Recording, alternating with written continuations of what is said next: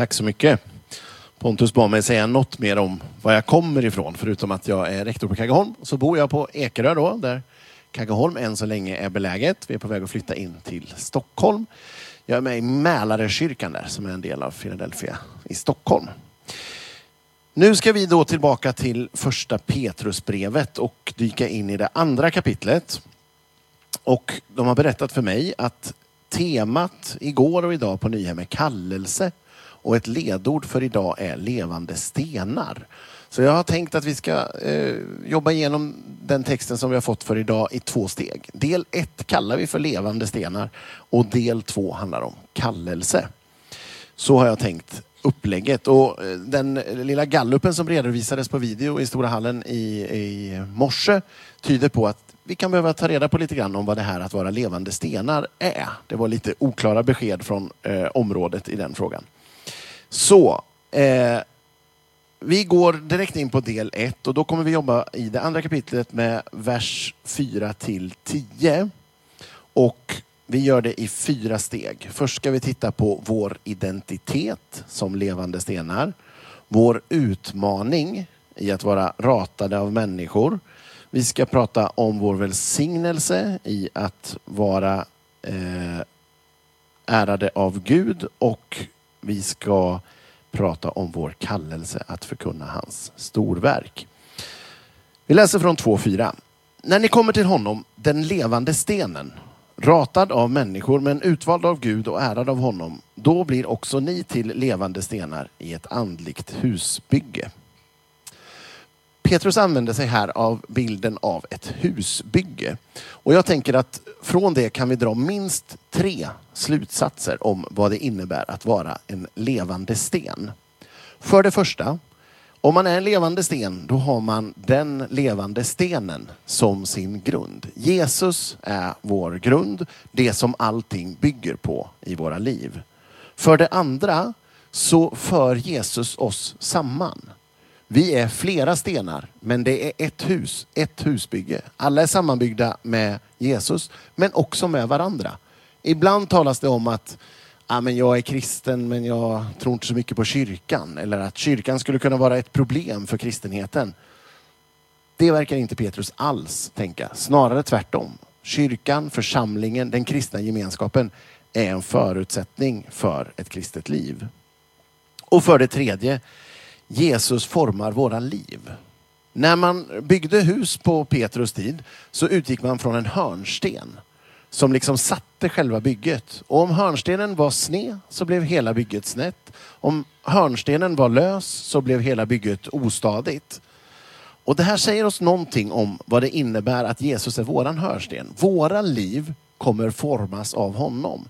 Så som det är med hörnstenen så blir det med hela bygget. Så som det är med Jesus, så blir det med oss. Och det ska vi se är någonting som påverkar Petrus sätt att tänka framåt här. Om vi går vidare till den andra punkten här i den första delen då, som jag har kallat för vår utmaning. Då ser vi i vers 4 att Petrus säger om Jesus att han är ratad av människor. Och i vers 7 och 8 så utvecklar han det här. Men för de som inte tror har stenen som husbyggarna ratade blivit en hörnsten. En sten som de snavar på, en klippa som de stöter emot. De stöter emot därför att de inte lyder ordet. Så är det förutbestämt för dem. Det är ett tema genom hela Petrusbrevet, detta med lidande och utsatthet. I varje kapitel i första Petrus brev så nämns det någonting om att gå genom eld, att utsättas för prövning, att lida eller att bli baktalad. De troende som Petrus skriver till verkar befinna sig i en utsatt position. Det verkar inte vara en våldsam förföljelse som har drabbat dem. Men det skaver mot omgivningen. Det blir krockar och konflikter. Och jag tror att vi kan känna igen oss i det. Petrus budskap in i den situationen är att det är någonting man kan förvänta sig som en levande sten. Jesus blev ratad av människor. Då får vi också räkna med att ibland bli ratade av människor. Och så hänvisar Petrus till psalm 118 och till Jesaja 8 och beskriver med hjälp av de citaten att det är väntat att Jesus kommer att stöta sig med sin omgivning. Det talas om att de snavar och stöter emot. Det finns ett skav mellan Jesus och de som inte har valt honom som hörnsten. Och så blir det också med kyrkan. Att vi kommer, delvis åtminstone, vara i konflikt med vår omgivning. Vi kommer se Petrus utveckla det framåt här. Värt att notera är ju att alla människor har en hörnsten. Det är ju inte så att husbyggarna eh, som eh, Petrus hänvisar till här inte bygger något hus. De är ju husbyggare. Men de har valt bort Jesus som hörnsten. De bygger alltså sitt liv på något annat. De har en annan hörnsten. Alla människor har en hörnsten och bygger sitt liv på något sätt utifrån den. Om det är bekräftelse, popularitet, rikedom eller vad det än är. Så, så länge det är något annat än Jesus så kommer det leda i en annan riktning. Det kommer skava och stöta emot. Det blir förstås en utmaning för den som inte är troende att fundera över vad är hörnstenen i ditt liv? Vad är det som ditt liv egentligen bygger på? Men det blir också en möjlighet för oss som är troende att förstå lite bättre varför det ibland skaver mellan oss, våra liv och vår omgivning. Varför det ibland krockar. Vi har olika hörnstenar. Vi har valt att bygga våra liv på olika grund. För det tredje, vår välsignelse. I vers 4 så säger ju Petrus om Jesus inte bara att han är ratad av människor utan också att han är utvald av Gud och ärad av honom. Det här utvecklar han sen i, eh, från vers 5 och vidare mot eh, ända fram till vers 10. Så här står det. Ni blir ett heligt prästerskap som kan frambära andliga offer som Gud vill ta emot tack vare Jesus Kristus. Det står ju i skriften. Se, på Sion lägger jag en hörnstel, utvald och ärad. Den som tror på den ska inte stå där med skam. Äran tillfaller alltså er som tror. Och sen följer det avsnittet som vi har läst om hur en del ratar Jesus och så fortsätter Petrus i vers 9. Men ni är ett utvalt släkte, kungar och präster, ett heligt folk, Guds eget folk som ska förkunna hans storverk. Han har kallat er från mörkret till sitt underbara ljus. Ni som förut inte var ett folk är nu Guds folk. Ni som förut inte fann barmhärtighet har nu funnit barmhärtighet. Petrus poäng här är ju att vi liknar Jesus inte bara i ratandet och utanförskapet som kan drabba oss ibland, utan också i utväljandet, i äran och härligheten. När Petrus använder uttrycket eh, från mörker till sitt underbara ljus, då använder han ett klassiskt judiskt bildspråk för befrielsen från slaveriet, från mörkret till ljus. Gud har befriat sitt folk och han har kallat sitt folk till sig. Och så citerar han från andra Mosebok, den, det 19 kapitlet där, vers 4 till 6. Det står så här. Ni har sett vad jag gjorde med egyptierna och hur jag har burit er på örnvingar och fört er hit till mig. Om ni nu lyssnar till mig och håller mitt förbund så ska ni vara min dyrbara egendom framför alla andra folk. Ty hela jorden är min. Och ni ska vara ett rike av präster och ett heligt folk som tillhör mig. Låter det bekant? Det är det här som Petrus hänvisar till. När Gud har befriat folket, kallat dem ut i öknen och de samlas framför Sina i berg, så kallar Gud dem till sig att vara hans. Och så med dunder och brak så sänker sig Herrens härlighet över Sina i berg. Det är trumpetstötar, det är rök och moln ni känner igen också samma när de har byggt tabernaklet och Herrens härlighet fyller tabernaklet. Eller templet. Och vi förstår att när Petrus lite tidigare här har hänvisat till präster, att vi ska vara präster och frambära offer. Då fattar vi att när han pratar om ett andligt husbygge så är det förstås inte vilket husbygge som helst utan han ser ett tempel framför sig. Församlingen, kyrkan, är Guds tempel. Platsen för Herrens härlighet. Platsen där Gud bor. Platsen där vi möter Gud. Det är ju oerhört. Om man låter det sjunka in lite grann. Vad är en församling? Vad är kyrkan? Det är platsen där Herrens härlighet bor. Så med Petrus bildspråk här så ser vi att församlingen är befriad, kallad till Gud och platsen där Herrens härlighet bor och där man möter Gud.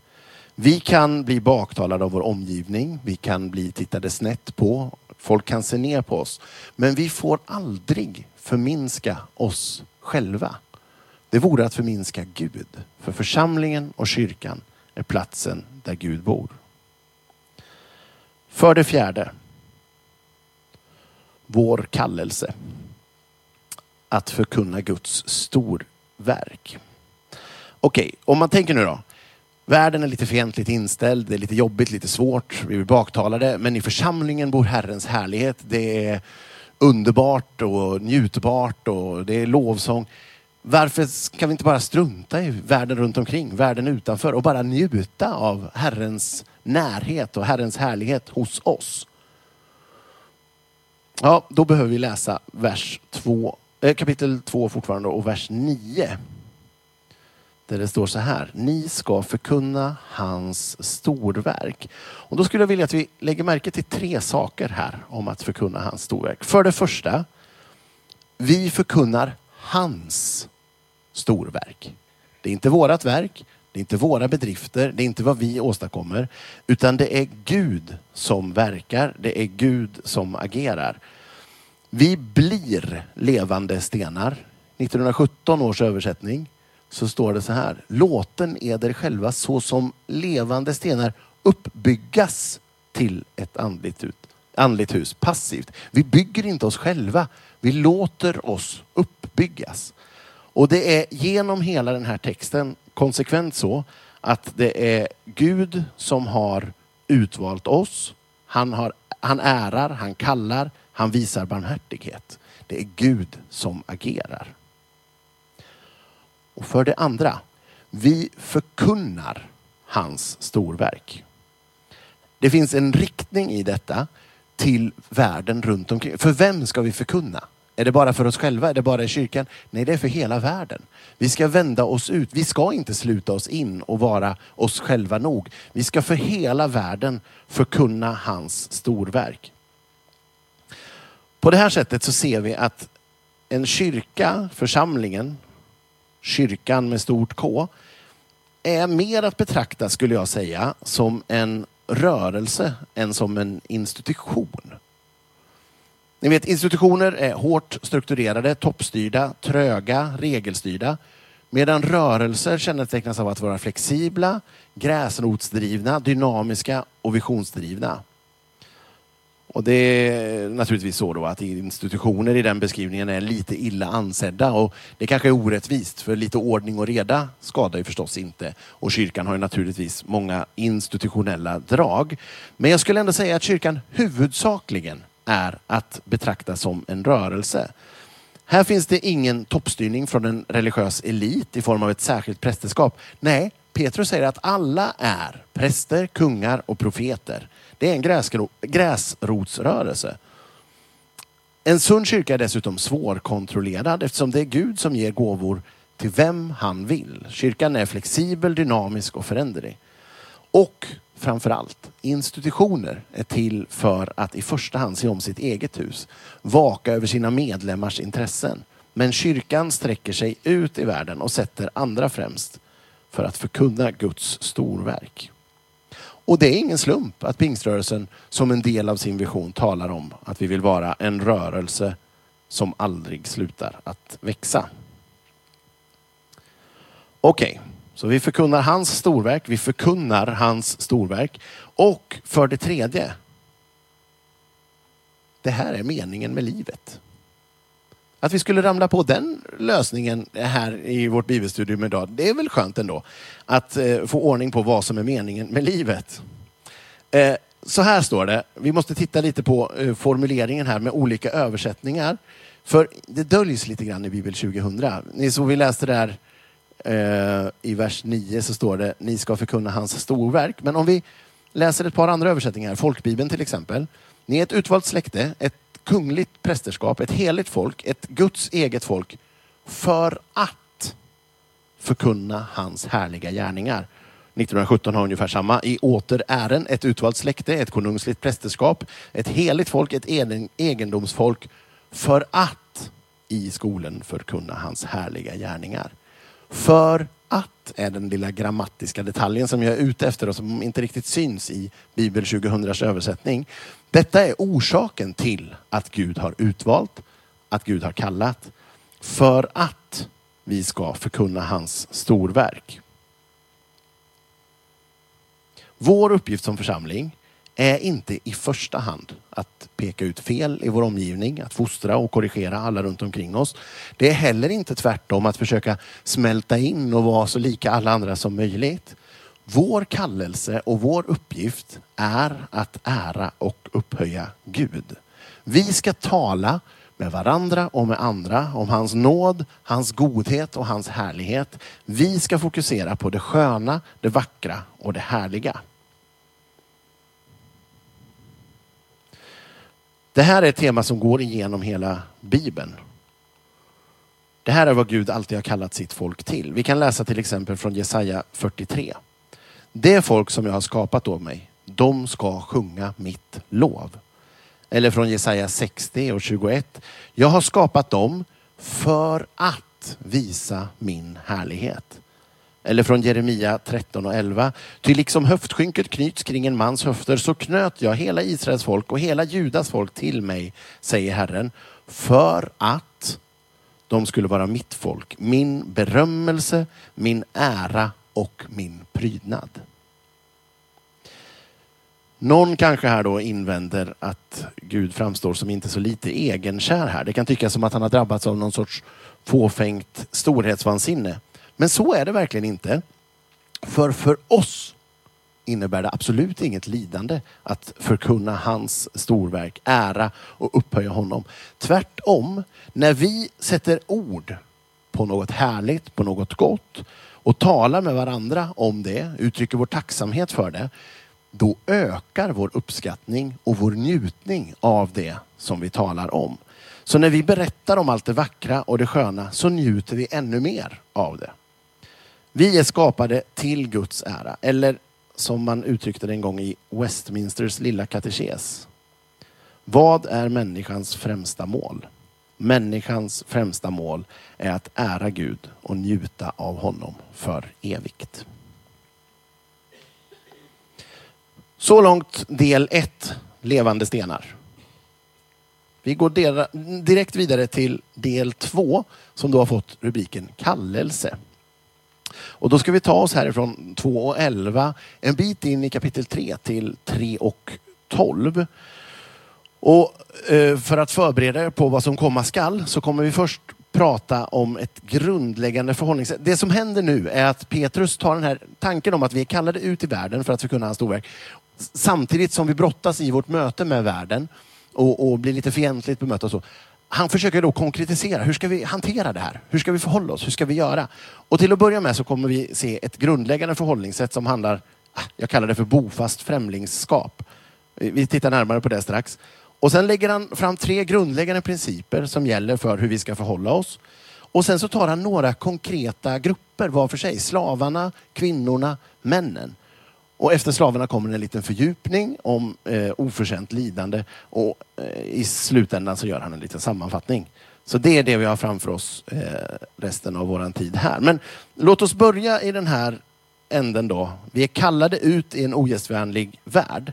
Men hur ska vi konkret förhålla oss till eh, omgivningen runt omkring oss? Vi läser från vers 11. Mina kära, jag uppmuntrar er som bor här som främlingar att akta er för köttets begär som för krig mot själen. Uppför er väl bland hedningarna så att de som säger att ni är onda människor ser era goda gärningar och prisar Gud den dag han kommer. Nyckeln här då till det förhållningssätt som Petrus talar för är uttrycket ni som bor här som främlingar. I romarriket hade man stadsstater. Alltså eh, en stad utgjordes som en egen stat och man var medborgare i sin hemstad. Men det hände ofta att man flyttade runt och bodde i en annan stad. Då hade man kvar sitt medborgarskap i sin ursprungliga hemstad som man kom ifrån. Även om man var bofast i en annan stad. Och då gällde också lagar och regler från din hemort för dig, fast du bodde på en annan ort. Det verkar vara det här som Petrus har i bakhuvudet när han beskriver de troende. Att bli kristen, det är att få ett nytt medborgarskap. Man har ett annat hem, även om man bor kvar rent konkret på samma plats. Man får en ny identitet. Om man ska tänka sig att man är bofast, man är mer än förbipasserande, man är inte bara en turist som är på väg förbi, utan man bor där och söker den staden och det sammanhangets bästa. Men man har sitt hem någon annanstans och följer andra lagar och principer i sitt liv. Man kan känna sig lite främmande för sin omgivning som en del av att man tillhör ett, eh, annan, ett annat sammanhang och har sitt medborgarskap någon annanstans. Det blir också en spänning mellan den som kommer från en annan stad och de som bor i staden som man numera bor i. Eftersom man har lite olika regler och lite olika förhållningssätt. Och vi har redan sett det antydas här, den här spänningen med omgivningen. Här beskriver Petrus det som att de säger att ni är onda. Alltså de blir baktalade, de talar illa om de kristna. Men han har också hopp om att om de kristna lever på rätt sätt så ska omgivningen prisa Gud. Han visar på att det finns både en motsättning men också en överlappning. Det finns saker man kan vara överens om och tillsammans säga det här är gott. Och det finns saker som man inte kommer enas om. Man kommer ha olika uppfattning om fall det är ont eller fall det är gott. De tidiga kristna stack ut från sin omgivning på eh, flera sätt. Dels var det så att de inte ville delta i de blodiga gladiatorspelen. Därför att de så, och därför såg omgivningen dem som osociala. Och för det andra så vägrade de ofta göra militärtjänst eftersom de inte ville stödja Caesars erövringskrig. För det tredje värnade de livet och var emot barnamord och abort. För det fjärde så lyfte de fram kvinnor och lät dem vara ledare i kyrkan, vilket var helt annorlunda för, dem, för det omgivande samhället. För det femte så var man emot sex utanför äktenskapet, vilket också ansågs väldigt konstigt. För det sjätte stod man på de fattiga sida och gav alltid generöst till dem. För det sjunde blandade man människor från olika samhällsklasser och med olika etnisk bakgrund på ett sätt som uppfattades närmast skandalöst.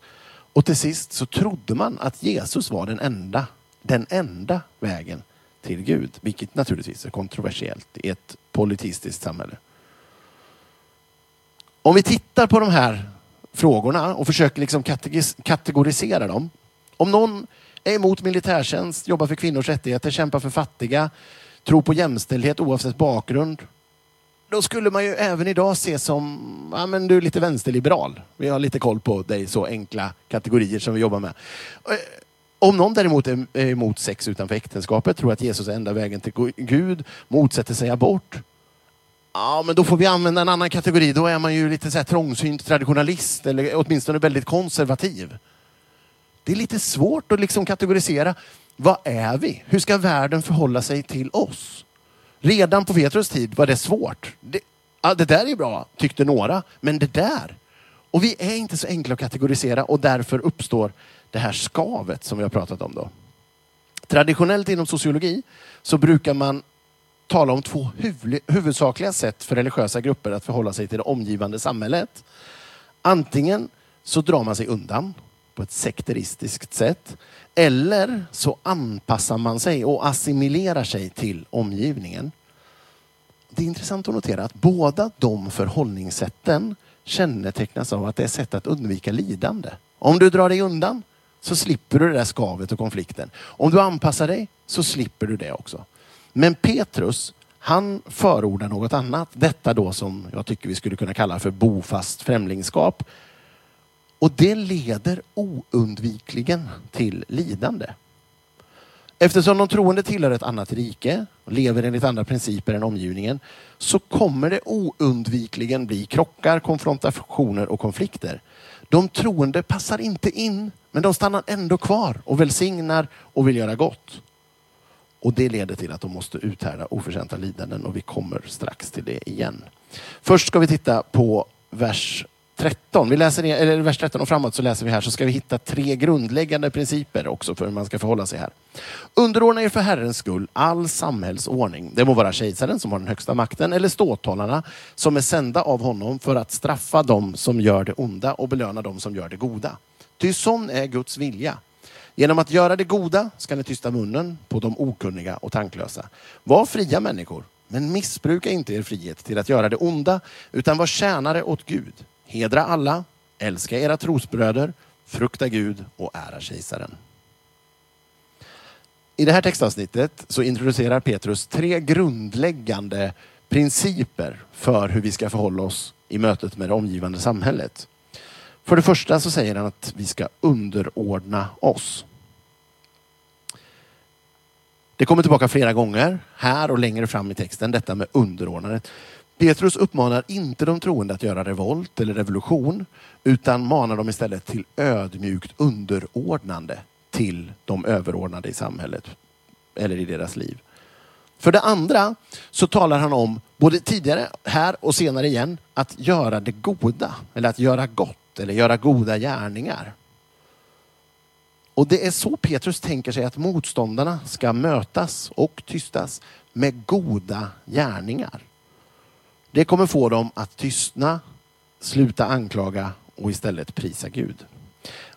Så underordnande, goda gärningar och den tredje principen, att vara tjänare åt Gud. Det är tydligt här att Petrus tänker inte att underordnandet ska ske utifrån en rädsla för eh, överordnade myndigheter och beslutsfattare. Det är bara Gud som ska fruktas. Underordnandet ska ske för Herrens skull. I grunden är alla kristna människor fria människor och de goda gärningar man gör, gör man som tjänare åt Gud. Så med de här tre grundläggande principerna så går Petrus nu vidare då och visar på några olika grupper där han tillämpar de här principerna och lite vad får de för konsekvenser. Men jag vill att vi redan nu noterar att om du inte är slav så kommer du kunna lära dig något av avsnittet som handlar om slavar. Om du inte är kvinna, om du inte är man, liknande. Det, eftersom han tillämpar de här generella principerna så finns det saker vi alla kan lära oss av varje avsnitt.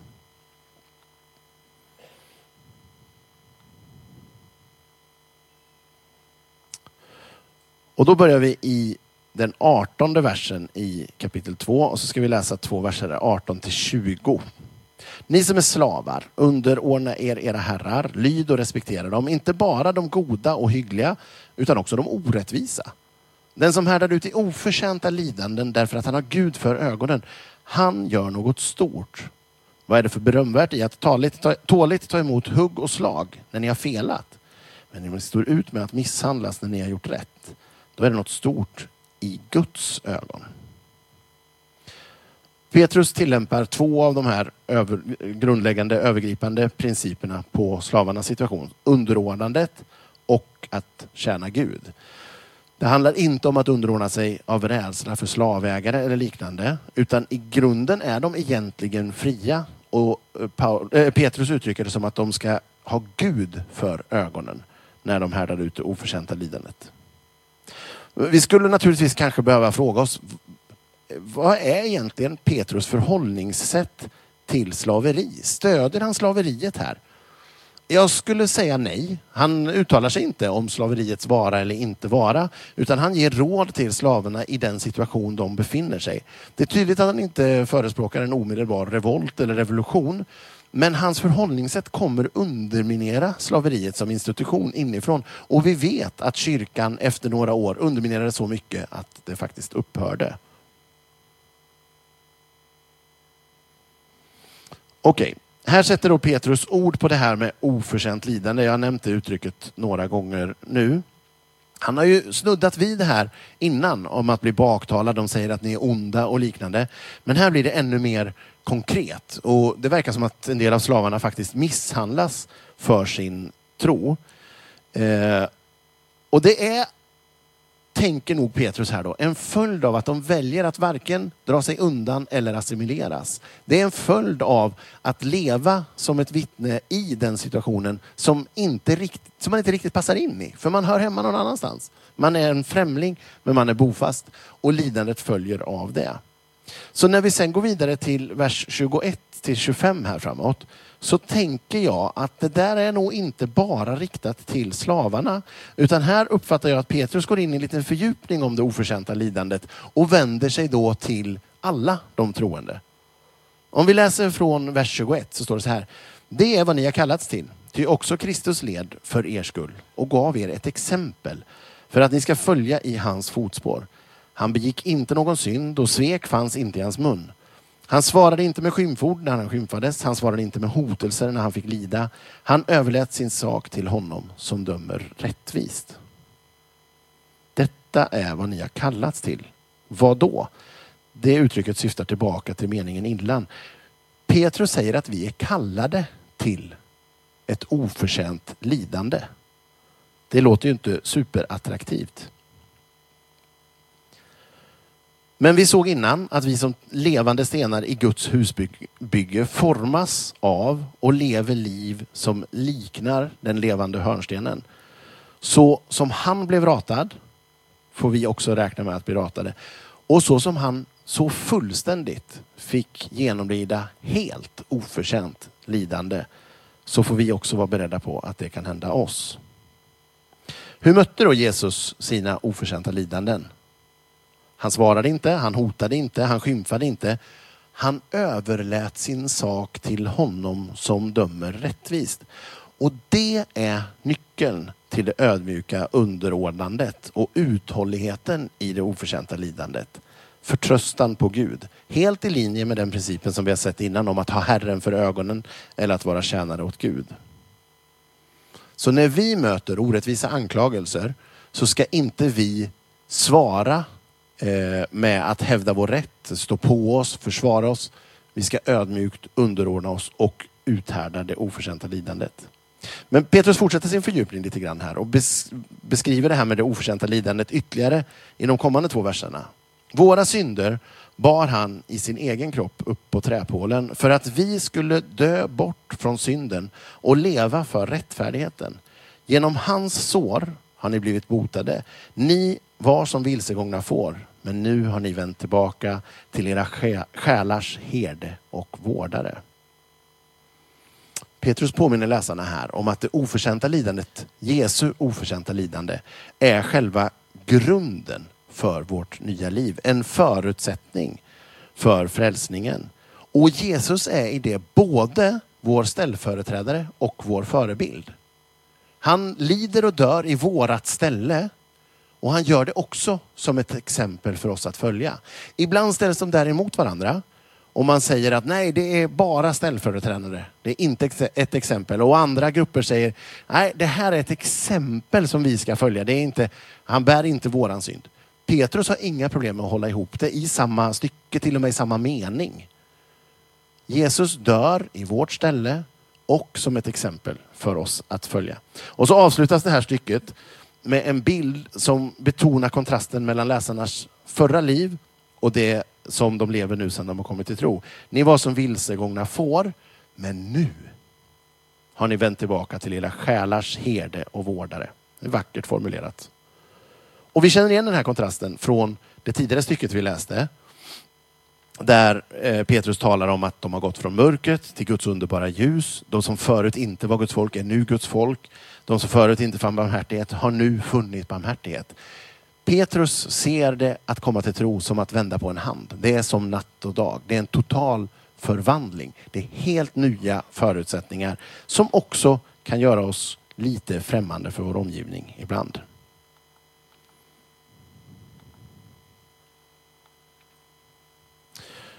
Då kommer vi till eh, avsnittet som handlar om kvinnorna. Och då kommer vi in i kapitel 3 och vi läser från den första versen. Ni kvinnor, underordna er era män så att de som inte vill tro på ordet kan vinnas utan ord tack vare sina hustrur. När de ser hur ni lever i lydnad och renhet. Er prydnad ska inte vara något utvärtes, håruppsättningar, guldsmycken eller fina kläder, utan den inre, dolda människan med sitt oförgängliga smycke, ett milt och stilla sinnelag. Det är dyrbart i Guds ögon. Så prydde sig också förr de heliga kvinnorna som hoppades på Gud. De underordnade sig sina män så som Sara lydde Abraham och kallade honom herre. Hennes döttrar är ni om ni gör det rätta och inte låter skrämma er. I det här stycket så vänder sig Petrus till kvinnor. Men om vi tittar närmare så verkar det i första hand handla om kvinnor som är gifta med män som inte tror. Han säger ju att de männen ska vinnas tack vare sina hustrur, inte tack vare någon annans hustru. Så slutsatsen blir att de som Paulus, äh, Petrus främst vänder sig till här, det är kvinnor som har män som inte är troende. Men även om han vänder sig till en väldigt specifik grupp så är det som jag var inne på innan inget som hindrar att vi alla kan lära oss någonting här. Eftersom Petrus utgår från principer som gäller för oss alla och tillämpar dem på en specifik situation så kan vi dra ytterligare lärdomar här för oss alla. Alla de tre grundläggande principerna som vi har sett kommer tillbaka här. Kvinnorna ska precis som alla kristna underordna sig, göra goda gärningar och göra det för Guds skull. När Petrus uppmanar de här kvinnorna att göra det goda och rätta så gör han det med en delvis ny betoning. Ibland säger vi ju att en bild säger mer än tusen ord. Petrus verkar här säga något i stil med att ett väl levt liv säger mer än tusen ord. Och här finns en utmaning, tänker jag, till oss alla. Lever du ditt liv på ett sådant sätt att det förkunnar Guds storverk? En annan ny aspekt som kommer fram här är snarare en följd av det goda livet och det handlar om odlandet av en god karaktär. Petrus gör en kontrast här mellan det yttre livet och det inre livet. Han menar att kvinnorna ska inte försöka vinna sina män genom att vara attraktiva för dem på ett ytligt sätt. De ska inte göra sig snygga för sina män utan de ska satsa på att odla det inre livet, en god och stark karaktär. Det här blir också en utmaning för oss alla, tänker jag. Vart ligger vårt fokus? Ligger det på ytan och hur det verkar? På vår fasad? Eller ligger det på att odla någonting på djupet som håller i längden? Något inre. I grunden så motiverar ju Paul, Petrus valet mellan det ytliga och det inre med att kvinnorna ska göra det som är, som han uttrycker det, dyrbart i Guds ögon. Och vi känner igen det från det här temat om att göra något för att ha Gud för ögonen eller att göra det som tjänare åt Gud. Drivkraften för de här kvinnorna ska inte vara vad deras män vill utan vad som är Guds vilja. Och den sista meningen här är intressant och går ju i den linjen. För Petrus säger till de här kvinnorna att de är Saras döttrar om de gör det rätta och aldrig låter sig skrämmas. Vem är det som skulle kunna skrämma dem? Kanske är det deras otroende män. Men Paulus, Petrus uppmanar dem att inte låta sig styras av männen eller sin rädsla för dem utan ändå göra det som är rätt. Och då framträder det ytterligare en aspekt av detta med att vara tjänare åt Gud. Det kräver mod att uthålligt göra motstånd. Petrus uppmanar alltså de kvinnor som har män som inte tror att leva enligt samma principer som alla troende. Att underordna sig, göra gott och tjäna Gud. Men genom att han lyfter fram just den här gruppen som ett konkret exempel så lär vi oss nya ytterligare saker. Vi ska leva liv som vittnar om Gud. Vi ska inte fokusera på ytan utan bygga karaktär. Och vi behöver mod för att uthålligt kunna göra det rätta. Det lär vi oss av kvinnorna. Och så går vi till vers 7. Och ni män, låt den kunskap ni har fått prägla ert samliv med hustrun. Hon är ju den svagare. Visa henne aktning, ty också hon ska få del av livets gåva. Då ska ingenting stå i vägen för era böner. När Bibel 2000 översätter och ni män så går igen här då en del av den ursprungliga textens innebörd förlorad och den syns tydligare i folkbibeln. Där översätter de så här. På samma sätt ska ni män och så vidare. Eller 1917, sammalunda. Och Det är viktigt att se det för att förstå att Petrus fortsätter sitt resonemang när han kommer till männen. Det, nu är det inte något nytt eller något annat utan det är samma grundläggande principer som gäller för slavar, för kvinnor och för män. Och det är på samma sätt med dem. Underordnandet gäller också dem. Att göra goda gärningar gäller också dem. Att vara tjänare åt Gud gäller också dem. Och så verkar Petrus tänka att det nya livet som troende ger ett nytt ljus och ett nytt perspektiv över alla delar av livet, även över äktenskapet. Den nya kunskapen bör få konsekvenser för hur en man relaterar till sin fru. Och då lyfter Petrus två aspekter att ha med i beräkningen. Å ena sidan så kallar han hustrun för den svagare. Och det är troligt att han här menar rent fysiskt. I genomsnitt är män starkare och kvinnor svagare, rent muskelkraftsmässigt. Och i en kultur som var helt beroende av fysiskt arbete så är det inte en oviktig aspekt att ta hänsyn till. Det finns i varje fall inget som helst utrymme för att här tolka det som att männen skulle kunna vara nedsättande genom att beskriva eh, sin fru som svagare. Eller att det skulle vara något sånt som Petrus är ute efter. För då kommer nämligen den andra sidan i nästa mening. Mannen ska visa henne aktning, ty också hon ska få del av livets gåva, står det. Och igen blir poängen lite tydligare i folkbibeln. Där hon, där det, hon istället kallas för en medarvinge till livets nåd. Det är också vackert formulerat. Petrus säger till männen i en patriarkal hierarkisk kultur att inför Gud är du jämställd med din fru. Hon är din medarvinge och du måste behandla henne som en arvtagerska till all Guds ära och härlighet. Och så avslutas stycket med en lite märklig kommentar i mitt tycke om att då ska ingenting stå i vägen för era böner. Vad menas med det här? Förmodligen så är det samma poäng som kommer igen när Petrus några verser längre fram citerar från psalm eh, eh vilken psalm är det? Han, det kapitel 3, vers 12 här. Han skriver så här. Ty Herrens ögon ser de rättfärdiga och hans öron hör deras bön. Och jag tänker att behandla sin hustru orättfärdigt kan påverka ditt böneliv. Jag tror det är det som är Petrus poäng helt enkelt här.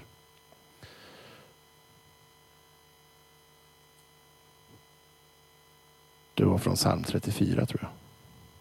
Ja. Eh, Okej, okay.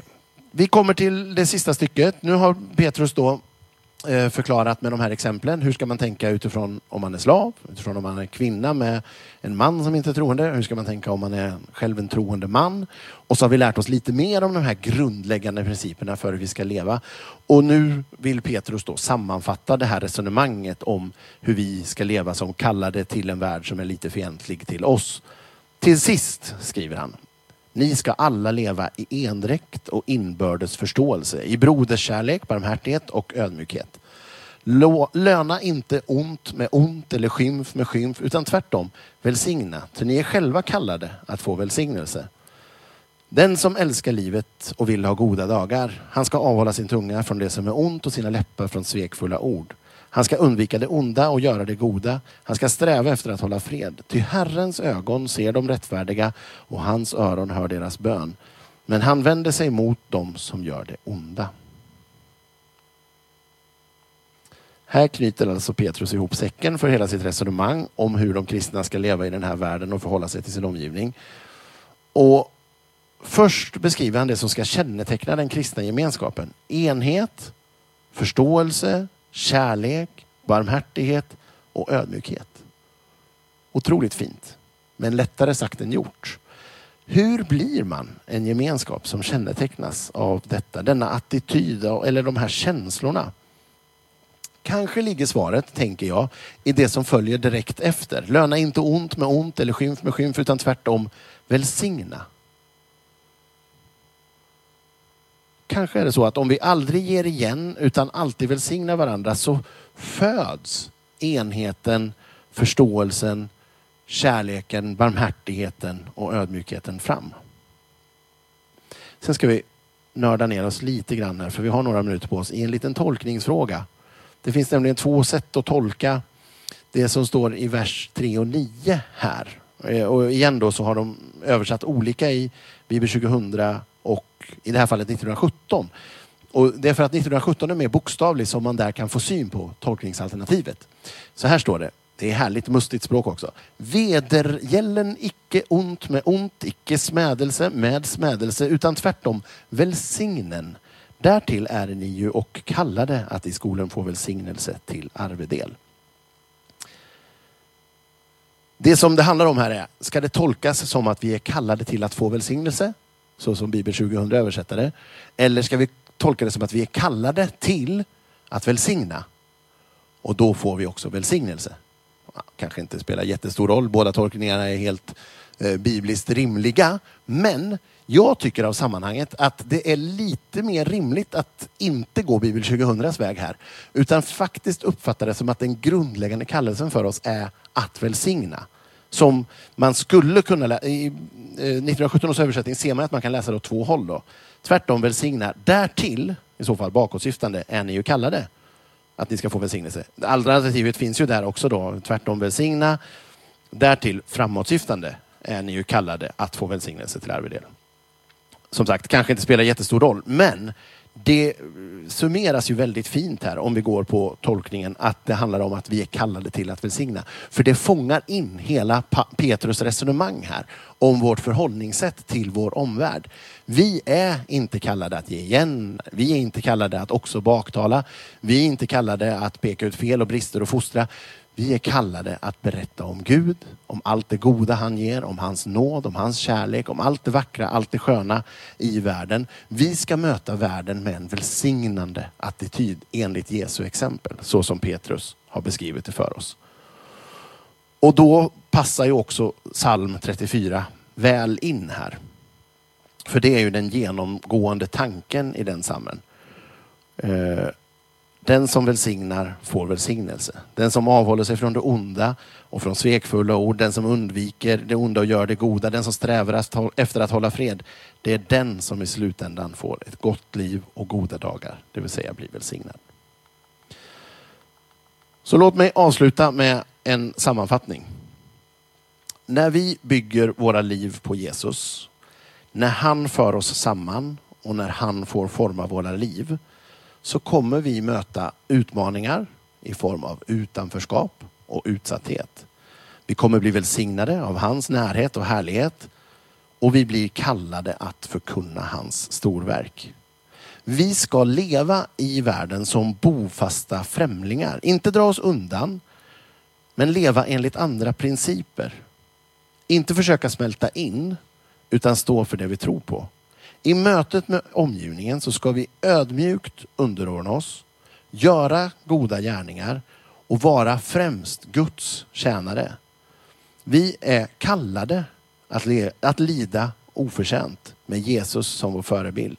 Vi ska odla en stark inre karaktär och ett orubbligt mod. Vi ska tjäna varandra och visa varandra aktning. Vi ska välsigna vår omgivning. Amen.